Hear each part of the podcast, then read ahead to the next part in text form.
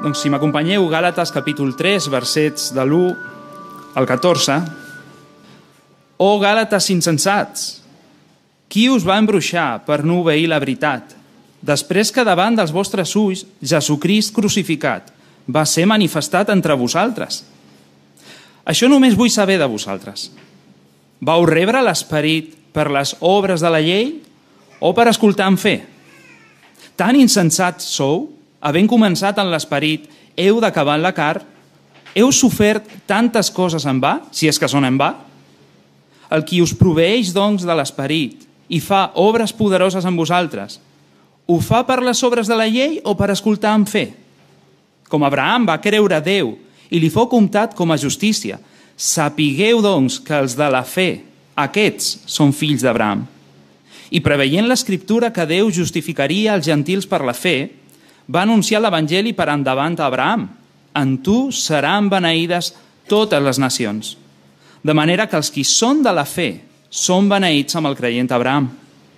Perquè tots els qui són de les obres de la llei estan sota maledicció, ja que està escrit, maleït tot aquell que no perseveri en totes les coses que han estat escrites en el llibre de la llei, per fer-les.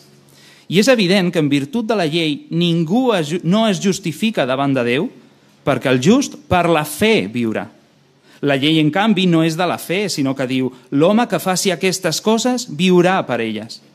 Crist ens va redimir de la maledicció de la llei, esdevenint maledicció en lloc de nosaltres, perquè està escrit, maleït tot aquell que penja d'una fusta, a fi que la benedicció d'Abraham en Crist Jesús arribés als gentils, a fi que rebéssim la promesa de l'Esperit per mitjà de la fe. Amén.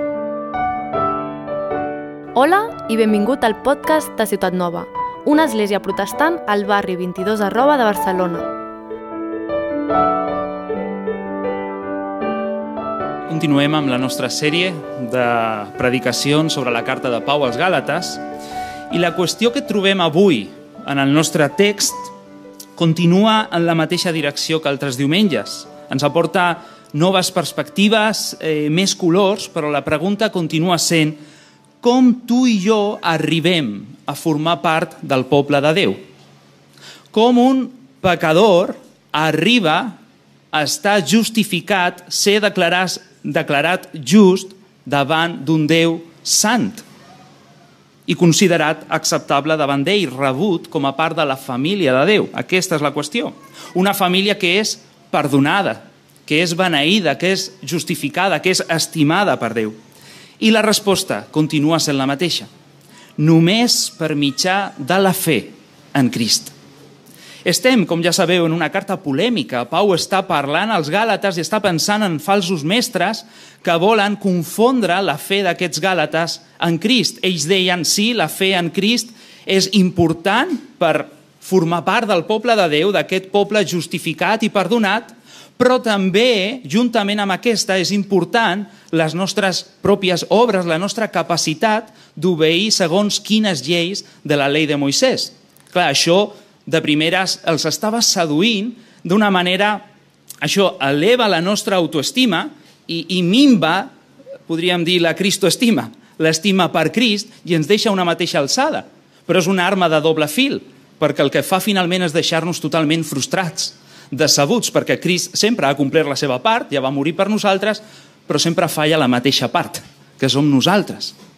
Llavors, fins aquí, Pau el que ha estat pre presentant és una sèrie de credencials, capítol 1, capítol 2, que feien digne de confiança aquest evangeli que ell predicava. Ell va dir que era un evangeli rebut per revelació divina, que havia sigut confirmat també pel, pels altres apòstols, pels líders de Jerusalem, i que també va ser un evangeli que va quedar ben establert i demostrat pel conflicte que va tenir amb l'apòstol Pere, com ja es va predicar setmanes enrere. Ara, a partir del capítol 3, Pau ens dona una sèrie d'arguments diferents que demostren que aquest evangeli, l'evangeli de la sola gràcia, per mitjà de la sola fe, només en Crist solament, és l'únic evangeli verdader. L'únic evangeli que ens pot obrir de part en part les portes del poble de Déu amb tots els seus drets i privilegis, amb tota garantia i tota seguretat. I això ho veurem en el passatge d'avui destacant tres arguments que trobem en ell. El primer l'anomenarem l'experiència de la fe. Trobem el versets de l'1 al 5. El segon argument l'anomenarem la família de la fe, versets del 6 al 9.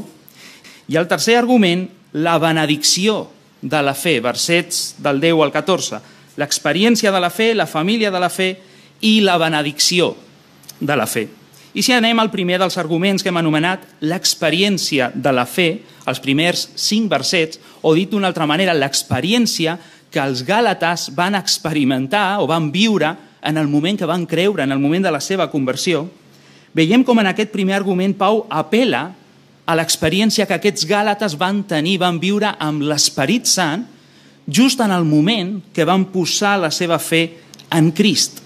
I això ens parla de dos realitats. La primera, la suficiència de Crist. El llenguatge que utilitza l'apòstol és molt intens, perquè la situació ho requereix. E, e, és un assumpte no menor, com alguns han tractat de llegir la carta als Gàlates si fos només un problema de convivència entre costums jueves i costums dels gentils, dels que no eren jueus. No, no, no, no. És un assumpte de vida o mort. La salvació està en lloc. I per això ell comença dient, oh, gàlates insensats. I insensats no, no vol dir ignorants, vol dir literalment estúpids. Els està insultant de manera inspirada. Els gàlates estaven com sota un embruix, sota un mal d'ull. Pregunta Pau, qui us va embruixar? Significa això, com si estiguessin eh, sota un encanteri. El poder sembla ser de les idees d'aquests falsos mestres que s'anomenaven judaïtzants. Eren aquells que deien que necessitem alguna cosa més que Crist per pertany al poble de Déu. Sembla que aquests missatges els tenien totalment seduïts, però l'Evangeli ja havia sigut explicat molt clarament i rebut de veritat per aquests gàlates, eh, diu l'apòstol Pau, després que davant dels vostres ulls Jesucrist crucificat va ser manifestat entre vosaltres. Ara aquí la paraula manifestat està relacionada com amb un escrit, amb un gràfic, una pintura. Fins i tot també sembla que té relació amb una mena de cartell publicitari que es posava a les places públiques o al mercat. Llavors el que està dient és que Crist, la suficiència de la seva creu per nosaltres, per salvar-nos, s'havia presentat davant dels seus ulls tan clarament com una pintura amb tots els seus colors o tan atractivament com un gran cartell publicitari enmig de la plaça. Llavors, quina mena d'embruix tenien ara que eren incapaços de veure amb claretat aquest Crist tan gloriós i tan necessari com ho havien entès abans que estúpidament estaven a punt de canviar la suficiència, la llibertat, l'alegria de Crist per la insuficiència, la esclavitud i la inseguretat dels seus esforços personals per rebre el favor de Déu, que mai sabia si serien suficients. Tot això ens recorda, com diu un comentarista, que no podem posar el pilot automàtic a la vida cristiana Quines idees avui t'estan embruixant per no veure Crist i la necessitat de la seva obra tan important a la teva vida per sobre de qualsevol altra cosa? Per veure'l com un salvador important. Aquesta és l'heretgia.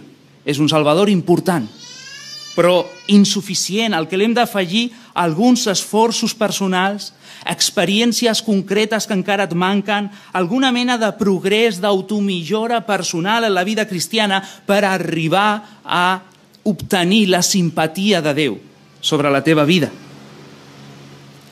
Necessitem exposar-nos contínuament a l'Evangeli per no oblidar la nostra identitat i seguretat que experimentem només posant la fe en Crist. Ara, la segona realitat de la que parla l'apòstol Pau és també la presència de l'Esperit, i és el que trobem a partir del verset 2, que Crist és un salvador suficient queda clar per l'experiència immediata que els gàlates van viure tan aviat com van creure en ell. Pau vol desfer d'alguna manera aquest encanteri dels gàlates posant-los a pensar. És això el que necessitem, pensar en la veritat. Amb una sèrie de preguntes retòriques. Pregunta Pau al verset 2. Això només vull saber de vosaltres, només això.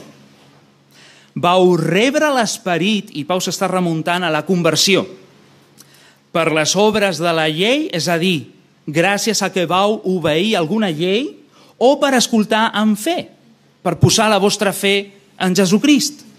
I la resposta era òbvia. Per escoltar amb fe l'Evangeli. L'Esperit Sant és la marca que va ser promesa a l'Antic Testament per tots els que pertanyien al poble de Déu. I aquests Gàlates sembla, per al llenguatge, que d'una manera evident, molt poderosa, rodejada de miracles, com estem acostumats a veure al llibre de Fets, i també durant tota l'època apostòlica, d'una forma molt habitual, ells van rebre l'esperit tan aviat com van posar la seva fe en Crist. Llavors la conclusió era lògica. Només cal fer en Crist per pertànyer al poble de Déu, perquè la marca de ser del poble de Déu és tenir l'esperit i això ho van rebre només quan van creure en Crist. Aquesta va ser la conclusió també a casa de Corneli, Fets capítol 10, 11, també al concili de Jerusalem, Fets capítol 15. És per això que Pau està tan indignat. Continua dient, tan insensats sou, tan estúpids, havent començat en l'esperit, heu d'acabar ara en la carn? Heu iniciat com a poble de Déu, entenent que només és per mitjà de la fe, només en Crist, una fe que va ser segellada amb l'Esperit Sant en el mateix moment. I penseu que ara us heu de mantenir dins del poble de Déu gràcies als vostres esforços i mèrits personals? Heu sofert tantes coses en va? Pregunta l'apòstol si és que són en va. Aquí la paraula sofert literalment vol dir experimentar i és el context el que ens ha de dir si és una experiència positiva o negativa. I crec que en el context, millor que sofert, voldria parlar-nos d'una experiència positiva. Heu experimentat tantes coses, l'Esperit Sant. En va? Si és que se'n va. Pau no creu que se'n va. Ell sap que tenen l'Esperit. Ell dona per fet que sí són creients, però vol posar-los a pensar a reflexionar. I finalment, verset 5, el qui us proveeix, doncs, l'esperit i fa obres poderoses en vosaltres. Notem aquí el present. Ara és la vida contínua d'aquests Gàlates. Ho fa per les obres de la llei o per escoltar en fe? Aquesta és la dicotomia. La presència inicial i contínua a les nostres vides de l'Esperit Sant és la marca de pertànyer al poble de Déu. I com havia sigut això a les vides del Gàlates? Només quan van creure en Crist. Reflexioneu, Gàlates, és el que vol dir Pau. I penso que si nosaltres també reflexionéssim sovint en tot allò que és Crist, Crist per nosaltres, tot allò que hem rebut de Crist, no deixaríem d'admirar-lo tan ràpidament com aquests gàlates. Pau estava meravellat de que tan ràpid s'haguessin desencantat d'aquest Crist. Mai tindríem una fe insatisfeta amb ell. Crist és un salvador complet. Quan poses la teva fe en ell, ell no sols dona perdó de pecats, també dona Esperit Sant. En això consisteix la salvació, no només en una vida perdonada, també en una vida renovada. I segurament que nosaltres és molt possible que no hem viscut l'experiència de la fe, la nostra conversió amb la mateixa intensitat o rodellada dels mateixos fenòmens que va succeir amb aquests gàlates, però això no vol dir que no sigui cert. El mateix que l'apòstol Pau li va dir als efesis sobre cada creient, que ara som habitació de Déu per l'esperit. Som la seva habitació, el seu espai on ell habitualment habita el seu espai més íntim. La fe en Crist no és una fe buida, no és una fe vana, sempre ve acompanyada.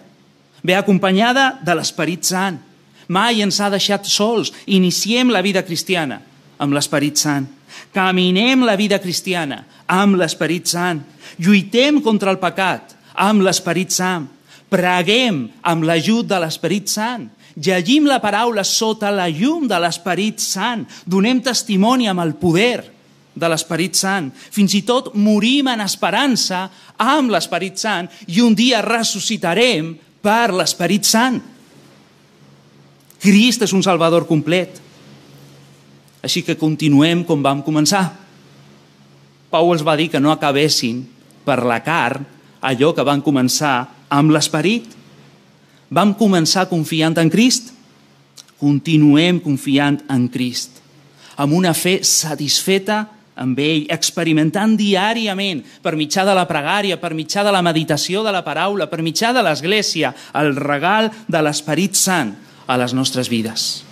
La sola fe en Crist és suficient.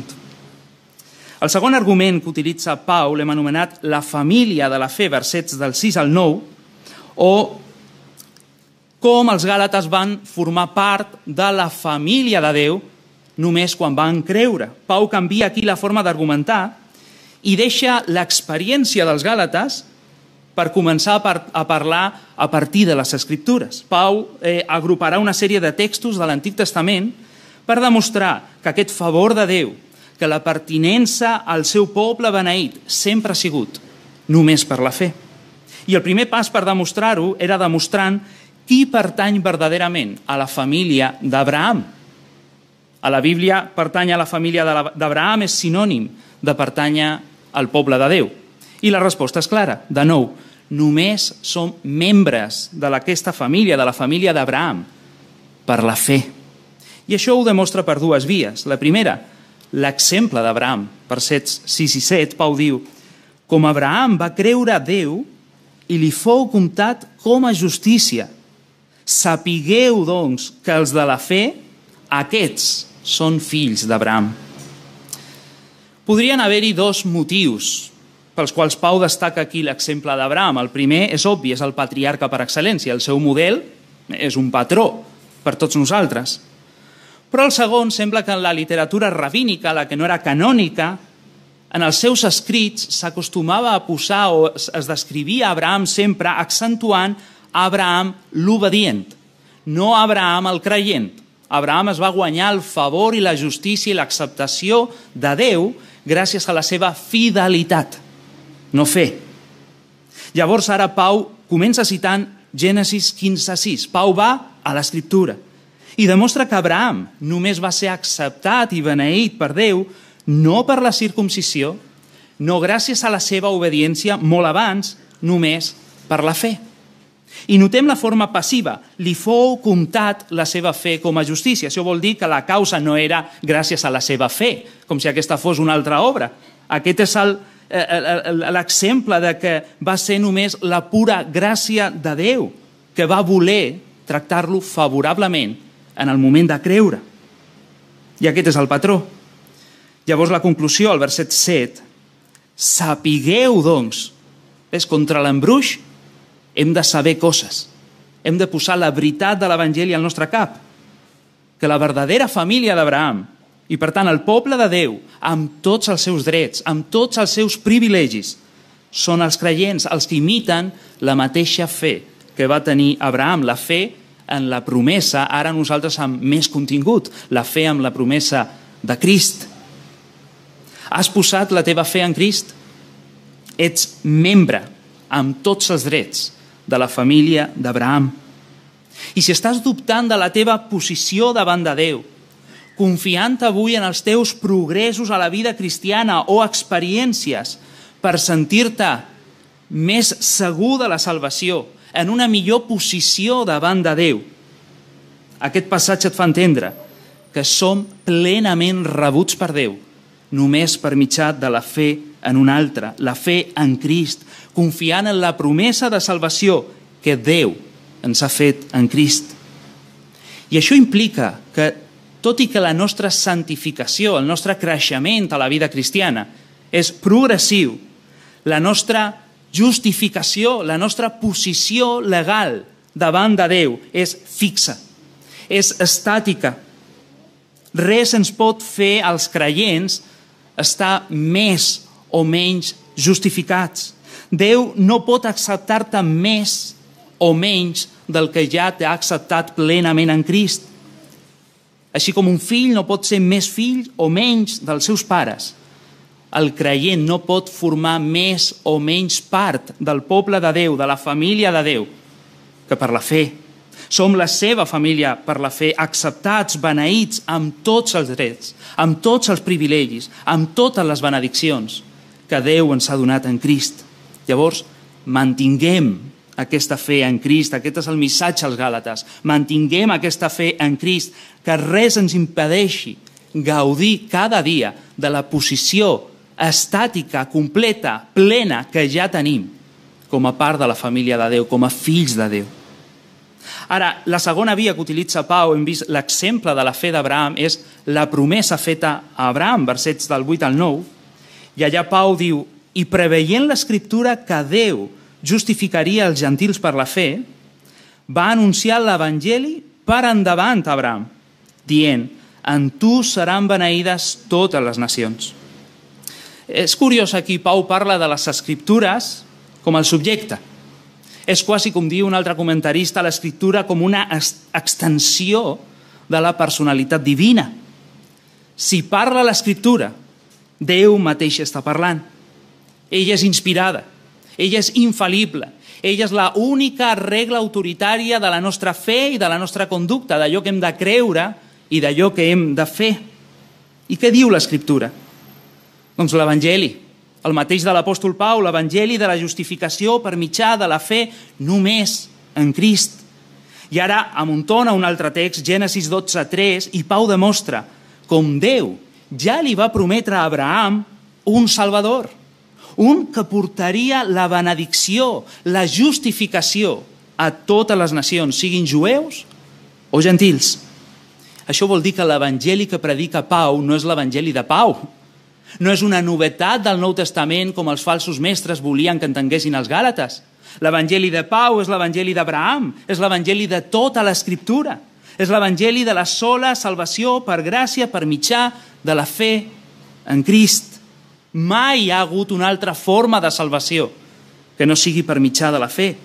De manera, conclou Pau al verset 9, que els qui són de la fe, els creients, són beneïts amb el creient, nota aquí, no l'obedient, amb el creient, Abraham.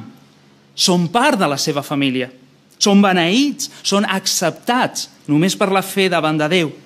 Ja no importa si són jueus o gentils, o rics, o pobres, o grans, o joves. Tots comparteixen la mateixa benedicció. Tots són part de la mateixa família. Tots comparteixen una mateixa relació amb Déu, com el seu pare. I això em porta a pensar que la manera que tenim també de relacionar-nos entre nosaltres demostra si hem entès o no la justificació per la fe. És interessant, això.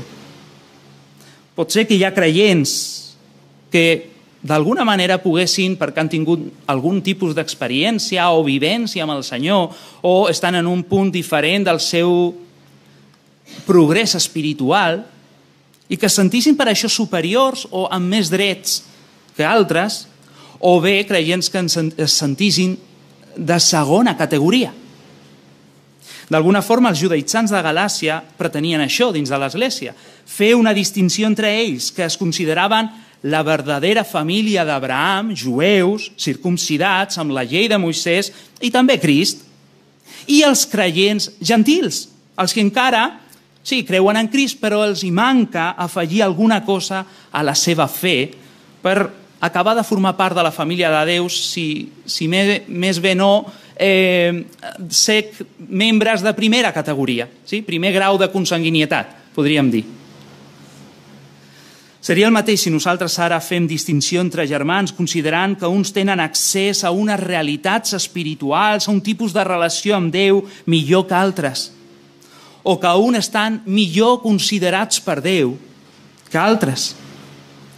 Aquest passatge ens fa entendre que tots els creients formem part de la mateixa família de la fe i, per tant, som hereus de la mateixa promesa per igual, tenim el mateix accés davant de Déu i rebem el mateix esperit de Déu. En Crist, com dirà l'apòstol Pau al capítol 3, més endavant, ja no hi ha ni jueu ni grec, ni esclau ni lliure, no hi ha home ni dona. La justificació per la fe fomenta la unitat dins de l'Església, perquè ens situa tots en un mateix nivell, tots amb la mateixa necessitat, ens fa a tots humils i alhora també estimula aquest sentit de família, aquest sentit de cos per buscar, per servir junts al Senyor. Som membres de la família de Déu i això només és com ha sigut sempre, tan sols per la gràcia, tan sols per mitjà de la fe. I arribem a l'últim argument que utilitza l'apòstol Pau, versets del 10 al 14, que hem anomenat la benedicció de la fe, la benedicció que va arribar a les vides dels Gàlates en el moment que van creure. Pau continua argumentant des de l'Escriptura, acumula textos sobre textos. E, és emocionant pensar que aquí tenim com un gran resum dels textos que ell acostumava a utilitzar amb els jueus a les sinagogues i s'acaba un, treia un altre i després un altre i així demostrava l'evangeli que predicava. I ara mostra que la benedicció, que el perdó, que la vida eterna només es pot obtenir creient en Crist. I això ho fa mostrant el que passa amb el camí contrari, el camí de les obres, el camí que confia en la teva capacitat d'obeir la llei de Déu i de progressar per guanyar-nos al seu favor, directament és un camí maleït. I d'això ens parla primerament, de la maledicció de l'altre camí, de la maledicció de la llei. Verset 10 al 12, i ahir Pau ens dona com dos punts, dos arguments. Diu, perquè tots els que són de les obres de la llei, és a dir, depenen de la seva obediència a la llei, estan sota maledicció, ja que està escrit, i ara cita Deuteronomi 27, 26, maleït tot aquell que no perseveri en totes les coses que han estat escrites en el, en el llibre de la llei per fer-les. Tu vols guanyar-te l'acceptació, el mèrit de rebre la benedicció de Déu i la vida eterna a la teva vida.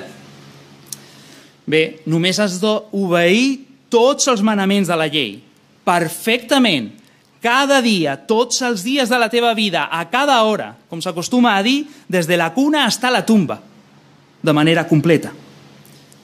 Això és sinònim a dir estàs maleït. Directament. Veus per què la indignació de Pau? Però per què volen canviar un evangeli tan fantàstic i complet com és el de la sola gràcia, només per la fe en Crist solament, per aquesta mena d'embruix que no els porta en lloc? I diu Pau al verset 11, i és evident que en virtut de la llei ningú no es justifica davant Déu, perquè, i ara cita el profeta Habacuc, capítol 2, verset 4, el just per la fe viurà. De nou, la justificació davant de Déu, sempre des del profeta Habacuc ja, ha estat només per la fe, per posar la nostra esperança només en Déu, en la seva bondat, no en nosaltres mateixos i la nostra capacitat. Ara continua dient, la llei, en canvi, no és de la fe, sinó que diu, i ara cita Levític 18, 5, l'home que faci aquestes coses de la llei viurà per elles. Ara hem d'entendre el que està dient l'apòstol Pau sobre la llei, perquè ens pot confondre eh, que la llei porta la maledicció, que la llei no és de la fe. Pau no està dient, quan parla, per exemple, aquí, que la llei no és de la fe, que la llei de Déu sigui dolenta. El problema no és la llei de Déu, el problema som nosaltres que no podem complir-la. La llei, com diu a Romans, és bona, santa i justa. Tot depèn de l'ordre de factors. Vereu, si nosaltres volem posar la llei, com feien els judaïtzans, davant de la salvació, com a causa de la salvació, llavors no funciona. La llei és dolenta perquè xoca amb la nostra realitat i no podem arribar a aquesta salvació. Llavors és dolenta, només serveix per maleir-nos, per condemnar-nos. Però si posem la llei darrere de la salvació, com a resposta d'agraïment a Déu per la seva salvació, com a fruit de la nostra fe en Crist, llavors sí funciona, llavors sí és bona. Però mai la llei ni l'Antic Testament s'havia donat per salvar a ningú, Déu va redimir Israel i li va donar la seva llei. No per guanyar-se la redempció, ja se l'havia donat, sinó per viure davant de Déu, en santedat, com a resposta. Fins i tot, també, sí, podríem dir com a evidència d'aquesta fe. però mai s'havia donat per salvar-nos. I això ens porta a pensar en un tema important, com funcionen les obres a la vida del creient. De la mateixa manera, no com a causa de la nostra salvació, sinó com a resultat de la nostra salvació. Així que sí, apropa't a la llei de Déu, però només des de la fe en Crist. No descansis en els teus progressos per millorar la teva posició davant de Déu, que ja és perfecta per Crist perquè en aquest cas la llei no t'ajuda, t'allunya. Només la fe en Crist ens porta a una bona relació davant de Déu, ens porta a la seva benedicció. I amb això acaba parlant l'apòstol Pau, versets 13 i 14. Si hem vist la maledicció del camí de la llei, acaba parlant de la benedicció del camí de la fe. I com un eslògan, al verset 13, Pau incorpora aquesta frase. Crist ens va redimir de la maledicció de la llei. Si seguim el fil de l'argument de l'apòstol, ens ha parlat de que el camí de la llei porta a la maledicció, ara esperaríem en el verset 13 que comencés per la partícula pro. Però Crist ens va redimir de la maledicció de la llei. Però és interessant, i també és igual en l'original, comença amb la paraula Crist, com si fos una interrupció allà. Això ens parla de que l'apòstol està tan entusiasmat, està tan convençut, està tan embruixat, per l'Evangeli que predica que no troba moment per introduir el nom de Crist.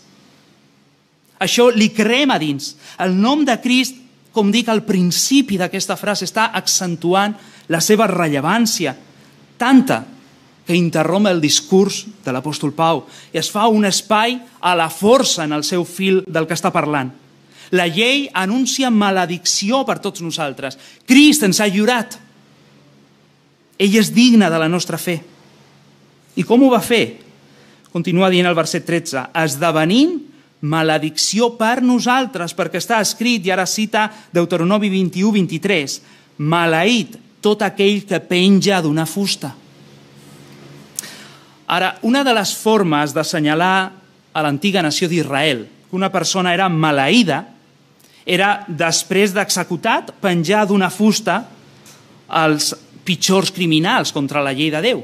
I d'aquesta manera, amb aquesta imatge, tothom podia entendre que es tractava d'un home maleït, sota l'anuig, sota la ira de Déu, totalment separat per sempre d'ell. Aquest enteniment es va aplicar més endavant també amb els crucificats, sota en el temps també de l'imperi romà. Ara, també és cert que durant molt de temps van haver-hi molts jueus que havien estat crucificats i no els tenien com a maleïts, tot el contrari, eren beneïts, eren màrtirs.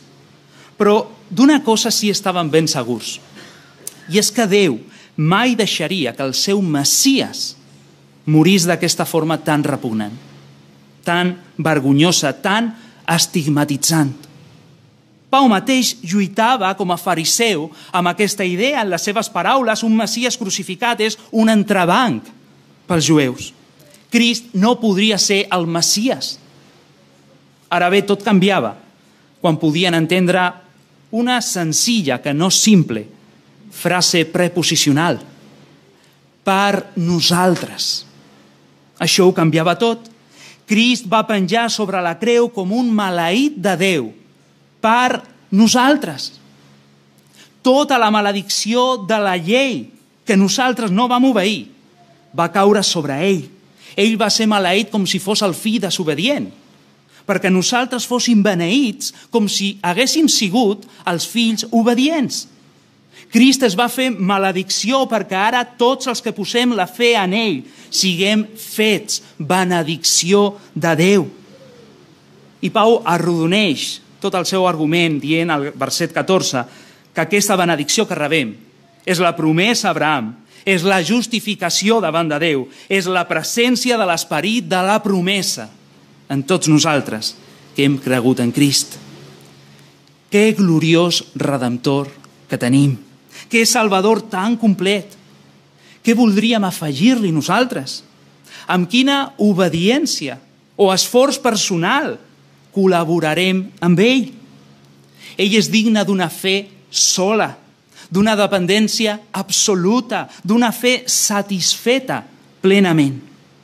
Ell és digne d'interrompre el nostre discurs, d'espontàniament fer-se un espai en el nostre fil de conversa, en el nostre fil del que estem pensant, fins i tot en el nostre fil del nostre estil de vida i canviar-la de manera forçosa i radical. Sí, som salvats només per mitjà de la sola fe, però que aquesta fe no vingui sola, sinó plena d'emocions.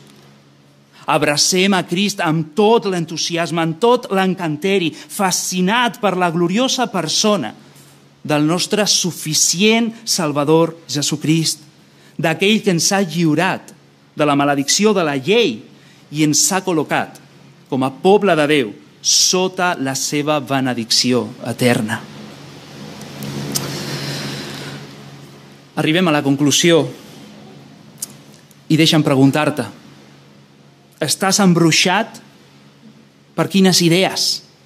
No parlo d'un conjur màgic ni res d'això, sinó fascinat, seduït per idees que deixen, de, de, que, que no et permeten veure la importància que Crist té a la teva vida. Potser que són idees d'autoconfiança, d'automillora, de carències que encara tens, que, com dic, han amagat la importància, la suficiència, l'abastiment de Crist a la teva vida. Creus que a la teva fe li manca alguna cosa només amb Crist? Vius amb una fe insatisfeta amb el teu Salvador? Llavors has de posar-te a pensar. Com has experimentat l'esperit? Només per la fe en Crist. Com has arribat a la família d'Abraham? Només per la fe en Crist. Com has sigut lliurat de la maledicció de la llei i has sigut fet benedicció de Déu? Només per la fe en Crist. No ens, cap, no ens cal cap altra cosa que Crist per gaudir de Déu com el seu poble. I si encara tu avui no pertanys al poble de Déu, avui la teva vida necessita ser renovada per l'esperit de Déu. Necessites pertànyer a la família perdonada, justificada, estimada d'Abraham. Necessites canviar la maledicció eterna de Déu que pesa sobre el teu cap per la seva benedicció eterna. Però només posant la teva fe en Crist.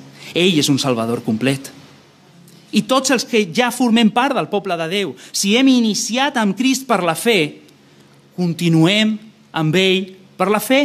La vida cristiana continua com comença, per la fe en Crist. Una vegada, bueno, en diferents ocasions, Jesús es va referir als seus deixebles com homes de poca fe. No sense fe, eren creients, però de fe poca, amb una fe petita. La vida cristiana, igual que la salvació, es viu per mitjà de la fe en Crist, però és cert, aquesta fe necessita créixer necessita enfortir-se perquè no es deixi embruixar per qualsevol idea. I on està la solució? No en els teus esforços personals, sinó entenent, admirant cada dia l'Evangeli, els esforços de Crist per tu i per mi. Això és el que inflamarà la nostra fe. Això protegirà la nostra fe de falsos evangelis que ens volen embruixar. Potser Crist i la meva pregària. Crist i la meva lectura sistemàtica de la Bíblia. Crist i la meva assistència als cultes. Crist i la meva obediència a qualsevol dels manaments. Nota, una fe compartida serà una fe frustrada. Una fe compartida entre Crist i els teus esforços personals sempre et portarà a la frustració, com deia al principi, perquè Crist sempre compleix però el que no compleix la segona clàusula som tu i jo. I això ens porta sempre, no només lluny de Crist i lluny de la salvació, sinó a la una vida totalment frustrada i esclava. Només una fe exclusiva en Crist serà una fe satisfeta. I a més, serà una fe que s'esforça diàriament també una fe que actua però en resposta d'agraïment al seu Salvador. Que el Senyor ens ajudi, com els Gàlates, sapigueu a saber i també a aplicar aquestes realitats que estem veient de la fe a la nostra vida diària. Gràcies per escoltar aquesta predicació.